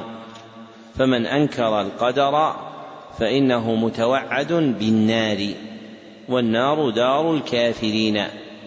والدليل الرابع حديث ابن الديلمي واسمه عبد الله أنه قال أتيت أبي بن كعب رضي الله عنه فقلت في نفسي شيء من القدر. الحديث رواه أبو داود وابن ماجه. والعزو إليهما أولى من العزو إلى الحاكم. رواه أبو داود وابن ماجه والعزو إليهما أولى من الحاكم وإسناده حسن. ودلالته على مقصود الترجمة في قوله ولو مت على غير هذا لكنت من أهل النار ودلالته على مقصود الترجمة في قوله ولو مت على غير هذا لكنت من أهل النار فمن أنكر القدر فهو من أهل النار الذين هم أهلها. فمن أنكر القدر فهو من أهل النار الذين هم أهلها. فإنكار القدر كفر. نعم. قال رحمه الله فيه مسائل الأولى بيان فرض الإيمان بالقدر الثانية بيان كيفية الإيمان. الثالثة إحباط عمل من لم يؤمن به الرابعة الإخبار أن أحدا لا يجد طعم الإيمان حتى يؤمن به الخامسة ذكر أول ما خلق الله السادسة أنه جرى بالمقادير في تلك الساعة إلى قيام الساعة السابعة براءته صلى الله عليه وسلم ممن لم يؤمن به الثامنة عادة السلف في إزالة الشبهة بسؤال العلماء التاسعة أن العلماء أجابوه بما يزيل الشبهة بما يزيل عنه الشبهة وذلك أنهم نسبوا الكلام إلى رسول الله صلى الله عليه وسلم فقط. قال المصنف رحمه الله باب ما جاء في المصورين. مقصود الترجمة بيان حكم المصورين. بيان حكم المصورين. والمراد حكم فعلهم. لا الحكم على ذواتهم. والمراد حكم فعلهم لا الحكم على ذواتهم. واختار المصنف الترجمة باسم الفاعل دون الفعل فقال باب ما جاء في المصورين ولم يقل باب ما جاء في التصوير اتباعا للأحاديث الواردة التي ذكر فيها المصور التي ذكر فيها المصور. نعم. قال المصنف رحمه الله عن أبي هريرة رضي الله عنه قال قال رسول الله صلى الله عليه وسلم قال الله تعالى ومن أظلم ممن ذهب يخلق كخلقي فليخلق ذرة أو ليخلق حبة أو ليخلق شعيرة اخرجا ولهما عن عائشة رضي الله عنها أن رسول الله صلى الله عليه وسلم قال أشد الناس عذابا يوم القيامة الذين يضاهئون بخلق الله. ولهما عن ابن عباس رضي الله عنهما سمعت رسول الله صلى الله عليه وسلم يقول كل مصور في النار يجعل له بكل صورة صورها نفس يعذب بها في جهنم. ولهما عنه مرفوعا من صور صورة في الدنيا كلف أن ينفخ فيها الروح وليس بنافخ. ولمسلم عن أبي الهياج قال قال لعلي رضي الله عنه ألا أبعثك على ما بعثني عليه رسول الله صلى الله عليه وسلم ألا تدع صورة إلا طمستها ولا قبرا مشرفا إلا سويته. ذكر المصنف رحمه الله لتحقيق مقصود الترجمة خمسة أدلة. فالدليل الأول حديث أبي هريرة رضي الله عنه أنه قال قال رسول الله صلى الله عليه وسلم قال الله تعالى الحديث رواه البخاري ومسلم ودلالته على مقصود الترجمة من وجهين أحدهما في قوله ومن أظلم ممن ذهب يخلق كخلقه أي لا أحد أشد ظلما منه. أي لا أحد أشد ظلما منه. ونسبته إلى الظلم تفيد تحريم فعله. ونسبته إلى الظلم تفيد تحريم فعله. والآخر في قوله فليخلقوا ذرة أو ليخلقوا حبة أو ليخلقوا شعيرة. تقريعا لهم تقريعا لهم وتعجيزا عن الإتيان بذلك وتعجيزا عن الإتيان بذلك. على وجه الذم المفيد حرمة فعلهم على وجه الذم المفيد حرمة فعلهم. والدليل الثاني حديث عائشة رضي الله عنها أن رسول الله صلى الله عليه وسلم قال أشد الناس عذابا الحديث متفق عليه ودلالته على مقصود الترجمة في قوله أشد الناس عذابا يوم القيامة. ثم عينهم بقوله الذين يضاهئون بخلق الله والمضاهاة هي المشابهة. وكونه أشد الناس عذابا يدل على حرمة فعله تحريما شديدا. فهو كبيرة من الكبائر. والدليل الثالث حديث ابن عباس رضي الله عنهما أنه قال سمعت رسول الله صلى الله عليه وسلم يقول كل مصور في النار. الحديث متفق عليه ودلالته على مقصود الترجمة في قوله كل مصور في النار فإنه وعيد بها والوعيد بها على فعل يفيد تحريمه. والوعيد بها على فعل يفيد تحريمه. والدليل الرابع حديث ابن عباس رضي الله عنهما أيضا مرفوعا من صور صورة في الدنيا الحديث متفق عليه. ودلالته على مقصود الترجمة في قوله كلف أن ينفخ فيها الروح وليس بنافخ أي عذب يوم القيامة بهذا. أي عذب يوم القيامة بهذا لإظهار عجزه والوعيد على فعله بذلك يدل على حرمته والوعيد على فعله بذلك يدل على حرمته. والدليل الخامس حديث أبي الهياج الأسدي رحمه الله أنه قال قال لي علي رضي الله عنه ألا أبعثك الحديث؟ رواه مسلم. ودلالته على مقصود الترجمة في قوله ألا تدع صورة إلا طمستها. في قوله ألا تدع صورة إلا طمستها. فالأمر بالطمس يفيد حرمة الصورة. فالأمر بالطمس يفيد حرمة الصورة.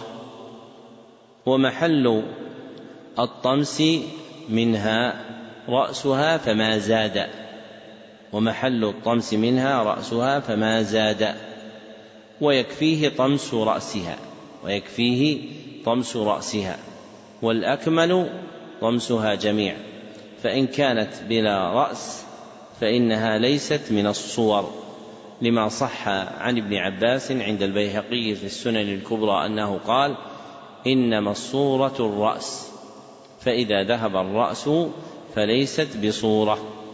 وهذه الأحاديث الخمسة تفيد حرمة التصوير أشد التحريم. وأنه قد يوقع العبد في الكفر إذا قصد مضاهاة إذا قصد مضاهاة خلق الله سبحانه وتعالى. وهو عام في جميع أنواعه وهو عام في جميع أنواعه. وعام في جميع المصورات وعام في جميع المصورات من ذوات الأرواح أو غيرها. لكن صح موقوفا عن ابن عباس لكن صح موقوفا عن ابن عباس جواز تصوير غير ذوات الأرواح. جواز تصوير غير ذوات الأرواح ولا يعرف له مخالف من الصحابة. فعرف أن الأحاديث المذكورة مخصوصة بذوات الأرواح ومن قواعد هذا الباب التي يحتاج إليها أن تعلم أن التصوير يخرج عن الحرمة في حالين أن التصوير يخرج عن الحرمة في حالين أحدهما حال الضرورة أحدهما حال الضرورة فإذا اضطر إليه فإذا اضطر إليه لم يحرم. كالذي صار عليه الناس في صور المفسدين والمخربين فإن هذه ضرورة لا, مد لا بد منها للإمساك بهم. والآخر حال الحاجة حال الحاجة. كاستعمال الصور في التعليم كاستعمال الصور في التعليم. لأن تحريم الصور هو تحريم ذرائع. وما حرم من الوسائل فإنه يباح للحاجة. وما حرم من الوسائل فإنه يباح للحاجة. والحاجة أوسع من الضرورة فإن الضرورة ما لا يقوم غيرها مقامها. فإن الضرورة ما لا يقوم غيرها مقامها. وأما الحاجة فيقوم غيرها مقامها. فيقوم غيرها مقامها. ويفتقر إليها توسعة. ويفتقر إليها توسعة. فما كان من هذا الجنس جرى فيه الجواز لأجل الحاجة. وما كان من النوع الأول وهو الضرورة جاز للضرورة. ومن الثاني عند أهل العلم ما يتعلق بالتعليم وأنه من باب الحاجات. لكن محله في الأظهر في من يحتاج الناس إلى علمه. أما من لا يحتاج الناس إلى علمه فهو في غنى عن التصوير. نعم. أحسن الله إليكم. قال رحمه الله فيه مسائل الأولى التغليظ الشديد في المصورين. الثانية التنبيه على العلة وهو ترك الأدب مع الله لقوله ومن أظلم ممن ذهب يخلق كخلقي الثالثة التنبيه على قدرته وعجزهم لقوله فليخلقوا ذرة أو شعيرة. الرابعة التصريح بأنهم أشد الناس عذابا. الخامسة أن الله يخلق بعدد كل صورة نفسا يعذب بها في جهنم. السادسة أنه يكلف أن ينفخ فيها الروح. السابعة الأمر بطمسها إذا وجدت. قال المصنف رحمه الله باب ما جاء في كثرة الحلف. مقصود الترجمة بيان حكم كثرة الحلف. وهو القسم بالله. نعم. قال المصنف رحمه الله وقول الله تعالى واحفظوا أيمانكم. عن أبي هريرة رضي الله عنه قال سمعت رسول الله صلى الله عليه وسلم يقول الحلف منفقة للسلعة ممحقة للكسب. أخرجاه وعن سلمان رضي الله عنه أن رسول الله صلى الله عليه وسلم قال ثلاثة لا يكلمهم الله ولا يزكيهم ولهم عذاب أليم وشيمط زان وعائل مستكبر ورجل جعل الله بضاعته لا يشتري إلا بيمينه ولا يبيع إلا بيمينه. رواه الطبراني بسند صحيح. وفي الصحيح عن عمران بن حسين رضي الله عنهما قال قال رسول الله صلى الله عليه وسلم خير أمتي قرني ثم الذين يلونهم ثم الذين يلونهم. قال عمران فلا أدري أذكر بعد قرنه مرتين أو ثلاثا ثم إن بعدكم قوما يشهدون ولا يستشهدون ويخونون ولا يؤتمنون وينذرون ولا يوفون ويظهر فيهم السمن. وفيه عن ابن مسعود رضي الله عنه أن رسول الله صلى الله عليه وسلم قال خير الناس قرني ثم الذين يلونهم ثم الذين يلونهم ثم يجيء قوم تسبق شهادة أحدهم يمينه ويمينه شهادته. قال إبراهيم كانوا يضربوننا على الشهادة والعهد ونحن صغار. ذكر المصنف رحمه الله لتحقيق مقصود الترجمة ستة أدلة. فالدليل الأول قوله تعالى واحفظوا أيمانكم ودلالته على مقصود الترجمة ما فيه من الأمر بحفظ اليمين ما فيه من الأمر بحفظ اليمين ومن جملة حفظها عدم كثرة الحلف بالله ومن جملة حفظها عدم كثرة الحلف بالله. والدليل الثاني حديث أبي هريرة رضي الله عنه أنه قال سمعت رسول الله صلى الله عليه وسلم يقول الحلف منفقة للسلعة. الحديث متفق عليه.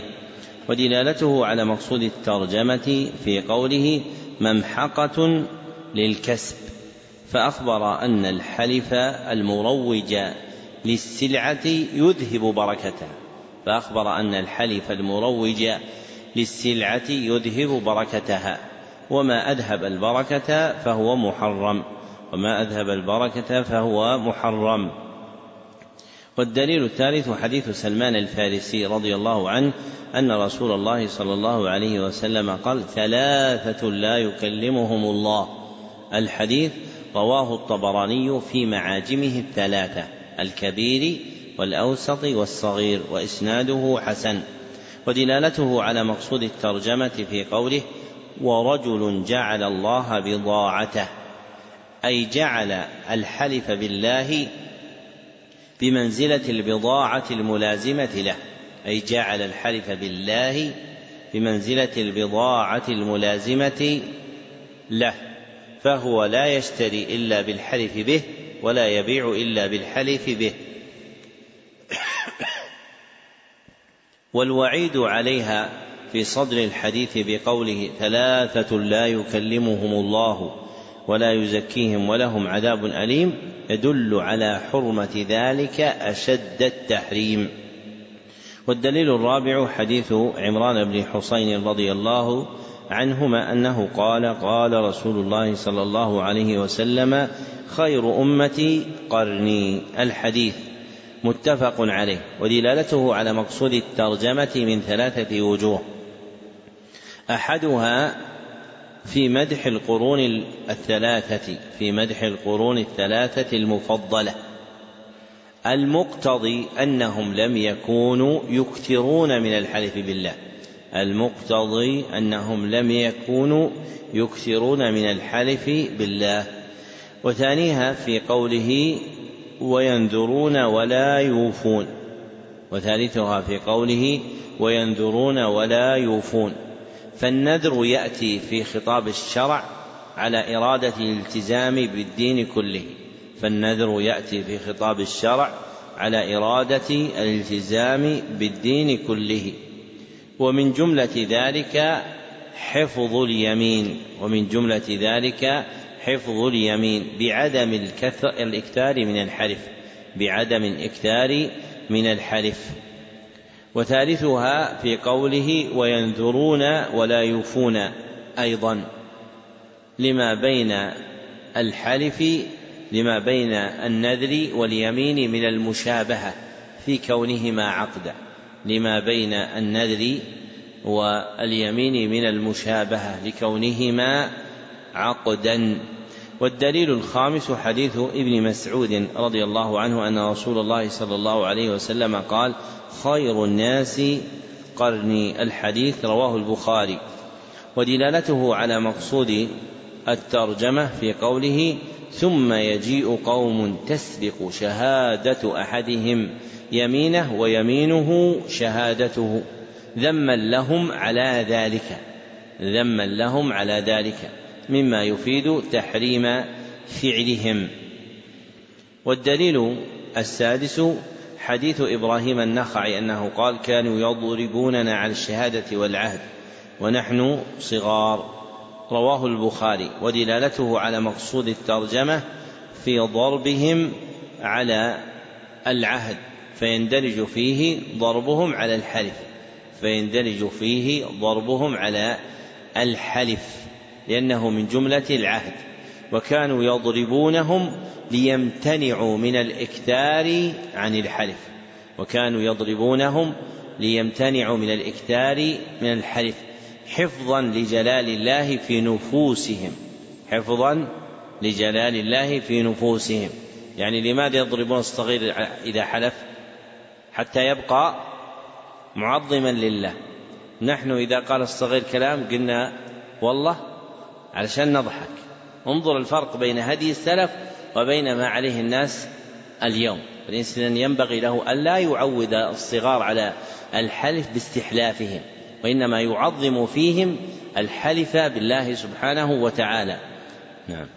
أحسن الله إليكم. قال رحمه الله فيه مسائل الأولى الوصية بحفظ الأيمان الثانية الإخبار بأن الحليف منفقة للسلعة ممحقة للبركة الثالثة الوعيد الشديد في من لا يبيع إلا بيمينه ولا يشتري إلا بيمينه الرابعة التنبيه على أن الذنب يعظم مع قلة الداعي الخامسة ذم الذين يحلفون ولا يستحلفون السادسة ثناؤه صلى الله عليه وسلم على القرون الثلاثة أو الأربعة وذكر ما يحدث بعدهم.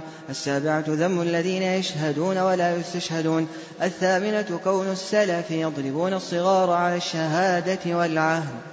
قال المصنف رحمه الله باب ما جاء في ذمة الله وذمة نبيه صلى الله عليه وسلم. اللهم صل وسلم مقصود الترجمة بيان حكم العقد على ذمة الله وذمة نبيه صلى الله عليه وسلم. بيان حكم العقد على ذمة الله وذمة نبيه صلى الله عليه وسلم. فالذمة هي إعطاء العقد والعهد. فالذمة هي إعطاء العهد وإبرام العقد. فالذمة هي إعطاء العهد وإبرام العقد. نعم. قال رحمه الله وقول الله تعالى وأوفوا بعهد الله إذا عاهدتم ولا تنقضوا الأيمان بعد توكيدها. الآية عن بريدة قال كان رسول الله صلى الله عليه وسلم إذا أمر أميرا على جيش أو سرية أوصاه في خاصته بتقوى الله ومن معه من المسلمين خيرا. فقال اغزوا بسم الله قاتلوا في سبيل الله من كفر بالله. اغزوا ولا تغلوا ولا تغدروا ولا تمثلوا ولا تقتلوا وليدا. وإذا لقيت عدوك من المشركين فادعهم إلى ثلاث خصال أو قال خلال فإيتهن أجابوك فاقبل منهم. وكف عنهم ثم ادعوهم إلى الإسلام فإن أجابوك فاقبل منهم ثم ادعوهم إلى التحول من إلى دار المهاجرين وأخبرهم أنهم إن فعلوا ذلك فلهم ما للمهاجرين وعليهم ما على المهاجرين فإن أبوا أن يتحولوا منها فأخبرهم أنهم يكونوا كأعراب المسلمين يجري عليهم حكم الله تعالى ولا يكون لهم في الغنيمة والفيء شيء إلا أن يجاهدوا مع المسلمين فإنهم أبوا فاسألهم الجزية فإنهم أجابوك فاقبل منهم وكف عنهم فإنهم أبوا فاستعن بالله وقاتلهم وإذا حاصرت أهل حصن فأرادوك أن تجعل لهم ذمة الله وذمة نبيه. فلا تجعل لهم ذمة الله وذمة نبيه ولكن اجعل لهم ذمتك وذمة أصحابك فإنكم إن تغفروا ذممكم وذمة أصحابكم أهون من أن تغفروا ذمة الله وذمة نبيه. وإذا حاصرت أهل حصن فأرادوك أن تنزلهم على حكم الله فلا تنزلهم على حكم الله ولكن أنزلهم على حكمك فإنك لا تدري أتصيب حكم الله فيهم أم لا. رواه مسلم. ذكر المصنف رحمه الله لتحقيق مقصود الترجمة دليلين. فالدليل الأول قوله تعالى وأوفوا بعهد الله إذا عاهدتم الآية دلالته على مقصود الترجمة في قوله وأوفوا بعهد الله والأمر للإيجاب فالوفاء بعهد الله واجب فمن أعطى شيئا بعهد الله أو على ذمة الله وذمة رسوله صلى الله عليه وسلم وجب عليه الوفاء به وحرم عليه نقضه. والدليل الثاني حديث بريدة رضي الله عنه أنه قال كان رسول الله صلى الله عليه وسلم إذا أمر أميرا على جيش الحديث رواه مسلم. ودلالته على مقصود الترجمة في قوله وإذا حاصرت أهل حصن فأرادوك أن تجعل لهم ذمة الله وذمة نبيه فلا تجعل لهم ذمة الله ولا ذمة نبيه. والنهي في قوله لا تجعل للتحريم ونهي عنه خشية عدم الوفاء بالعهد خشية عدم الوفاء بالعهد المفضي إلى عدم تعظيم الله ورسوله صلى الله عليه وسلم. نعم. قال رحمه الله في مسائل الأولى الفرق بين ذمة الله وذمة نبيه وذمة المسلمين. الثانية الإرشاد إلى أقل الأمرين خطرا. الثالثة قوله اغزو بسم الله في سبيل الله. الرابعة قوله قاتلوا من كفر بالله. الخامسة قوله استعن بالله وقاتلهم. السادسة الفرق بين حكم الله وحكم العلماء. السابعة في كون الصحابي يحكم عند الحاجة بحكم الله يدري أيوافق حكم الله أم لا. قال المصنف رحمه الله باب ما جاء في الإقسام على الله. مقصود الترجمة بيان حكم الإقسام على الله وهو الحلف عليه. بيان حكم الإقسام على الله وهو الحلف عليه. نعم. قال رحمه الله عن جندب بن عبد الله رضي الله عنه قال قال رسول الله صلى الله عليه وسلم قال رجل والله لا يغفر الله لفلان. فقال الله عز وجل من ذا الذي يتألى علي ألا أغفر لفلان؟ إني قد غفرت له وأحبطت عملك. رواه مسلم. وفي حديث أبي هريرة رضي الله عنه أن القائل رجل عابد. قال أبو هريرة تكلم بكلمة أوبقت دنياه وآخرته ذكر المصنف رحمه الله لتحقيق مقصود الترجمة دليلين. فالدليل الأول حديث جندب بن عبد الله رضي الله عنه أنه قال قال رسول الله صلى الله عليه وسلم قال رجل الحديث رواه مسلم ودلالته على مقصود الترجمة من وجهين. أحدهما في قوله من, من, من ذا الذي يتألى علي ألا أغفر لفلان. فالاستفهام استنكاري. يدل على إنكار مقالته وإبطالها. يدل على إنكار مقالته وإبطالها. والتألي هو القسم على الله مع إعجاب المقسم بنفسه. والتألي هو إقسام العبد على الله مع إعجاب المقسم بنفسه. والآخر في قوله إني قد غفرت له وأحبطت عملك. فجعل جزاءه معاقبته بإحباط عمله لمبادرته للحكم على غيره فعوقب بنقيض قصده. والدليل الثاني حديث أبي هريرة رضي الله عنه أن القائل رجل عابد. الحديث رواه أبو داود بإسناد صحيح. ودلالته على مقصود الترجمة في قوله في الحديث وقال يعني الله اذهب فادخل جنتي برحمتي. اذهب فادخل جنتي برحمتي. وقال للآخر اذهبوا به إلى النار.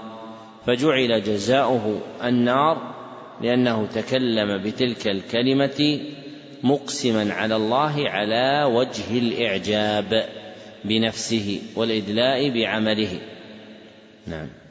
قال رحمه الله فيه مسائل.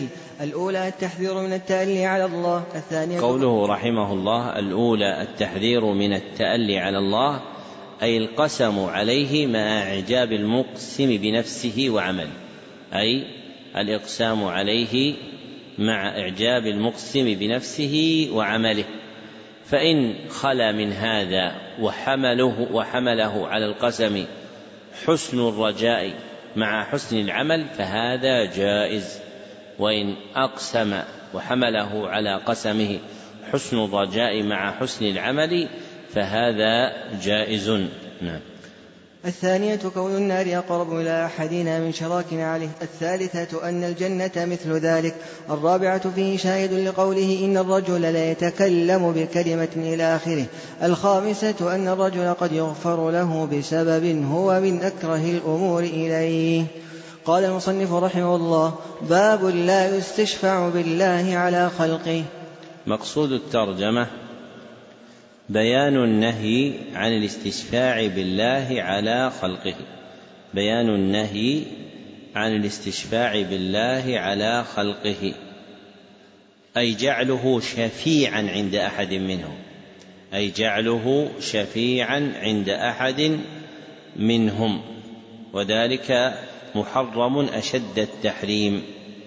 لما فيه من تنقص مقام الربوبية. فإن شأن الله أعظم. نعم.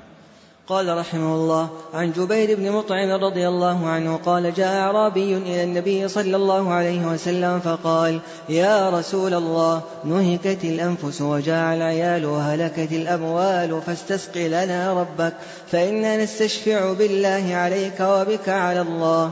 فقال النبي صلى الله عليه وسلم سبحان الله سبحان الله. فما زال يسبح حتى عرف ذلك في وجوه أصحابه ثم قال ويحك أتدري ما الله؟ إن شأن الله أعظم من ذلك إنه لا يستشفع بالله على أحد. وذكر الحديث رواه أبو داود. ذكر المصنف رحمه الله لتحقيق مقصود الترجمة دليلا واحدا وهو حديث جبير بن مطعم رضي الله عنه أنه قال جاء أعرابي الحديث رواه أبو داود وإسناده ضعيف ودلالته على مقصود الترجمة في قوله فاستسق لنا ربك فإنا نستشفع بالله عليك أي نجعل الله شفيعا عندك أي نجعل الله شفيعا عندك لتدعو لنا بالسقيا. فاتفق منه صلى الله عليه وسلم تحريم ما فعله الاعرابي من ستة وجوه. أحدها تسبيحه الله تعظيما لقبح مقالة الاعرابي تسبيحه الله تعظيما لقبح مقالة الاعرابي وثانيها غضبه صلى الله عليه وسلم غضبا شديدا. المدلول عليه بقول الراوي فما زال يسبح حتى عرف ذلك في وجوه أصحابه. أي عرف غضبهم في وجوههم لغضبه صلى الله عليه وسلم. وثالثها في قوله ويحك. وثالثها في قوله ويحك وهي كلمة وعيد وتهديد. ورابعها في قوله أتدري ما الله. وهو استفهام استنكاري لاستشناع واستبشاع قول الأعراب وخامسها في قوله إن شأن الله أعظم من ذلك. فنزه الله عن مقالة الأعرابي التي قالها وبين أنها لا تليق بالله. وسادسها في قوله إنه لا يستشفع بالله على أحد وهو نهي ظاهر في تحريم جعل جعل الله شفيعا على أحد. في جعل الله شفيعا عند أحد. وهذا الأمر لا زال موجودا في الناس وإن كان بغير هذه الألفاظ. كقول كثيرين في بعض الجهات نحن داخلين بالله عليه. نحن داخلين بالله عليه. أي نجعل الله شفيعا عنده. وكقولهم واسطتنا الله فيأتي أحدهم إلى المسؤول فيقول أنا جئتك وما لي واسطة؟ لكن واسطتي الله. فهذا محرم أيضا لأنه من جعل الله شفيعا عند أحد من المخلوقين. نعم. قال رحمه الله في مسائل الأولى إنكاره صلى الله عليه وسلم على من قال نستشفع بالله عليك. الثانية تغيره صلى الله عليه وسلم تغيرا عرف في وجوه أصحابه من هذه الكلمة. الثالثة أنه صلى الله عليه وسلم لم ينكر عليه قوله نستشفع بك على الله. الرابعة التنبيه على تفسير سبحان الله. الخامسة أن المسلمين يسألونه صلى الله عليه وسلم الاستسقاء. قال المصنف رحمه الله باب ما جاء في حماية المصطفى صلى الله عليه وسلم حمى التوحيد وسده طرق الشرك. مقصود الترجمة بيان حماية المصطفى صلى الله عليه وسلم حمى التوحيد أي جانبه من كل ما ينقصه أو ينقضه وسده طرق الشرك وهي الذرائع الموصلة إليه. وتقدم نظير هذه الترجمة في قوله باب باب حماية المصطفى جناب التوحيد وسده كل طريق يوصل إلى الشرك. والفرق بين الترجمتين أن الترجمة المتقدمة تتعلق بحمايته من جهة الأفعال. أن الترجمة المتقدمة تتعلق بحمايته من جهة الأفعال. وهذه الترجمة تتعلق بحمايته من جهة الأقوال. نعم. قال رحمه الله عن عبد الله بن الشخير رضي الله عنه قال انطلقت في وفد بني عامر إلى النبي صلى الله عليه وسلم فقلنا أنت سيدنا فقال سيد الله تبارك وتعالى قلنا وأفضلنا فضلا وأعظمنا طولا فقال قولوا بقولكم أو بعض قولكم ولا يستجرينكم الشيطان رواه أبو داود بسند جيد وعن أنس رضي الله عنه أن ناسا قالوا يا رسول الله يا خيرنا وابن خيرنا وسيدنا وابن سيدنا فقال صلى الله عليه وسلم يا أيها الناس قولوا بقولكم ولا يستهوينكم الشيطان أنا محمد عبد الله ورسوله. ما أحب أن ترفعني فوق منزلة التي أنزلني الله عز وجل. رواه النسائي بسند جيد. ذكر المصنف رحمه الله لتحقيق مقصود الترجمة دليلين. فالدليل الأول حديث عبد الله بن الشخير رضي الله عنه أنه قال انطلقت في وفد بني عامر. الحديث رواه أبو داود والنسائي وإسناده صحيح. ودلالته على مقصود الترجمة من ثلاثة وجوه. أحدها في قوله السيد الله تبارك وتعالى.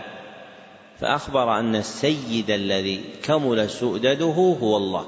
أن السيد الذي كمل سؤدده هو الله. وثانيها في قوله قولوا بقولكم أو بعض قولكم. أي ما اعتدتموه من المخاطبة بينكم. أي ما اعتدتموه من المخاطبة بينكم. وعادة العرب عدم تعظيم المخاطبين من الرؤساء. وعادة العرب عدم تعظيم المخاطبين من الرؤساء. وثالثها في قوله ولا يستجرينكم الشيطان أي لا يتخذنكم الشيطان جريا. والجري هو الرسول. أي لا يتخذنكم الشيطان جريا والجري هو الرسول. فتكونوا رسلا تنوبون عن الشيطان في فتح باب الشر على النفس. فتكونون رسلا تنوبون عن الشيطان في فتح باب الشر على النفس. والدليل الثاني حديث أنس رضي الله عنه أن أناسا قالوا يا رسول الله الحديث رواه النسائي وإسناده صحيح. ودلالته على مقصود الترجمة من أربعة وجوه. أولها في قوله قولوا بقولكم أي ما اعتدتموه من المخاطبة على ما تقدم بيانه من تركهم تعظيم المخاطبين من الرؤساء. وثانيها في قوله ولا يستهوينكم الشيطان أي لا يميلن بكم إلى الهوى فيفتح باب الشر بسببكم على أنفسكم وعلى غيركم أي لا يميلن بكم الشيطان إلى الهوى فيفتح عليكم فيفتح باب الشر عليكم وعلى غيركم. وثالثها في قوله أنا محمد عبد الله ورسوله صلى الله عليه وسلم. فأخبر عما له من مقام حميد وهو مقام العبودية والرسالة. ورابعها في قوله ما أحب أن ترفعوني فوق منزلتي التي انزلنا أنزلني الله عز وجل. ومنزلته صلى الله عليه وسلم التي اختارها الله له منزلة العبودية والرسالة. منزلة العبودية والرسالة. واضح؟ أيهما أفضل اختيار الله ورسوله لرسوله صلى الله عليه وسلم أم اختيارنا؟ اختيار الله ورسوله لرسوله صلى الله عليه وسلم. ومع ذلك تجد كثير من الناس الآن من أهل السنة فضلا عن غيرهم يقولون قال الحبيب صلى الله عليه وسلم وهو ليس الحبيب صلى الله عليه وسلم هو أعظم من ذلك هو الخليل صلى الله عليه وسلم. فقول قال الحبيب فيه غض من مقام النبي صلى الله عليه وسلم لإنزاله مرتبة دون المرتبة التي أنزلها الله إياه وهي مرتبة الخلة ومن الأدب مع رسول الله صلى الله عليه وسلم أن يستعمل معه ما استعمله معه الله أو أخبر به صلى الله عليه وسلم عن نفسه. ولا يخرج امرئ عن ما جاء في القرآن والسنة إلا رجع على نفسه بالنقص وإن زعم أنه يعظم الرسول صلى الله عليه وسلم. نعم. قال رحمه الله فيه مسائل. الأولى تحذير الناس من الغلو الثانية ما ينبغي أن يقول من قيل له أنت سيدنا. الثالثة قوله لا يستجرينكم الشيطان مع أنهم لم يقولوا إلا الحق. الرابع قوله رحمه الله الثالثة قوله لا يستجرينكم الشيطان مع أنهم لم يقولوا إلا الحق أي في قولهم أنت سيدنا فهو سيد وليد آدم صلى الله عليه وسلم وقولهم وابن سيدنا. يعني يعني ابن نبي الله إبراهيم عليه الصلاة والسلام فهو سيد العرب فإنهم ينتسبون إليه. نعم. الرابعة قوله صلى الله عليه وسلم ما أحب أن ترفعني فوق منزلتي. قال المصنف رحمه الله باب ما جاء في قول الله تعالى وما قدر الله حق قدره والأرض جميعا قبضته يوم القيامة والسماوات مطويات بيمينه سبحانه وتعالى عما يشركون مقصود الترجمة بيان عظمة الله بيان عظمة الله الموجبة توحيده وتقديره. بيان عظمة الله الموجبة توحيده وتقديره. وأراد المصنف بختمه بهذا الباب أن يعرف بالسبب الأكبر في فقد التوحيد وهو عدم تعظيم الله. أن يعرف بالسبب الأعظم في فقد التوحيد وهو عدم تعظيم الله. وقد أحسن رحمه الله في المقابلة بين فاتحة الكتاب وخاتمته. ففاتحة الكتاب في سبب وجود التوحيد وهو كونه واجبا. ففاتحة الكتاب في سبب وجود التوحيد وهو كونه واجب. والخاتمة في سبب فقد التوحيد وهو عدم توقير الله وإجلاله. نعم. قال رحمه الله عن ابن مسعود رضي الله عنه قال جاء حبر من الأحبار إلى رسول الله صلى الله عليه وسلم فقال يا محمد إنا نجد أن الله يجعل السماوات على إصبع والأراضين على إصبع والشجر على إصبع والماء على إصبع والثرى على إصبع وسائر الخلق على إصبع. فيقول أنا الملك فضحك النبي صلى الله عليه وسلم حتى بدت نواجذه. تصديقا لقول الحبر ثم قرأ وما قدر الله حق قدره والأرض جميعا قبضته يوم القيامة. الآية وفي رواية لمسلم والجبال والشجر على إصبع ثم يهزهن فيقول أنا الملك أنا الله.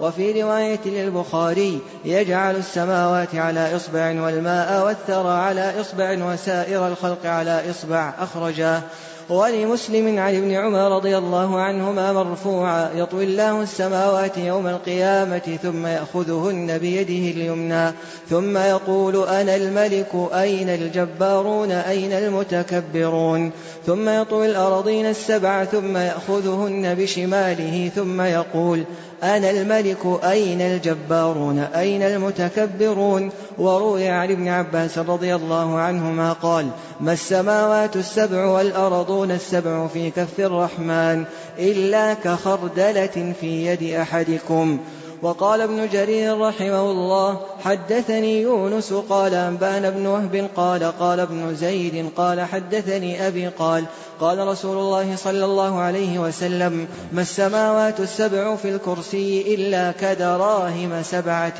ألقيت في ترس. وقال قال أبو ذر رضي الله عنه سمعت رسول الله صلى الله عليه وسلم يقول ما الكرسي في العرش إلا كحلقة من حديد ألقيت بين ظهري فلاة من الأرض. وعن ابن مسعود رضي الله عنه قال بين السماء الدنيا والتي تليها خمسمائة عام وبين كل سماء خمسمائة عام وبين السماء السابعة والكرسي خمسمائة عام. وبين الكرسي والماء خمسمائة عام والعرش فوق الماء والله فوق العرش. لا يخفى عليه شيء من أعمالكم. أخرجه ابن مهدي عن حماد بن سلمة عن عاصم عن زر عن عبد الله ورواه بنحو المسعودي عن عاصم عن أبي وائل عن عبد الله قاله الحافظ الذهبي رحمه الله تعالى. قال وله طرق. وعن العباس بن عبد المطلب رضي الله عنه قال قال رسول الله صلى الله عليه وسلم هل تدرون كم بين السماء والأرض؟ قل الله ورسوله أعلم. قال بينهما مسيرة خمسمائة سنة وبين كل سماء إلى سماء مسيرة خمسمائة سنة وكثف كل سماء مسيرة خمسمائة سنة. وبين السماء السابعة والعرش بحر بين أسفله وأعلاه كما بين السماء والأرض. والله تعالى فوق ذلك وليس يخفى عليه شيء من أعمال بني آدم. أخرجه أبو داود وغيره.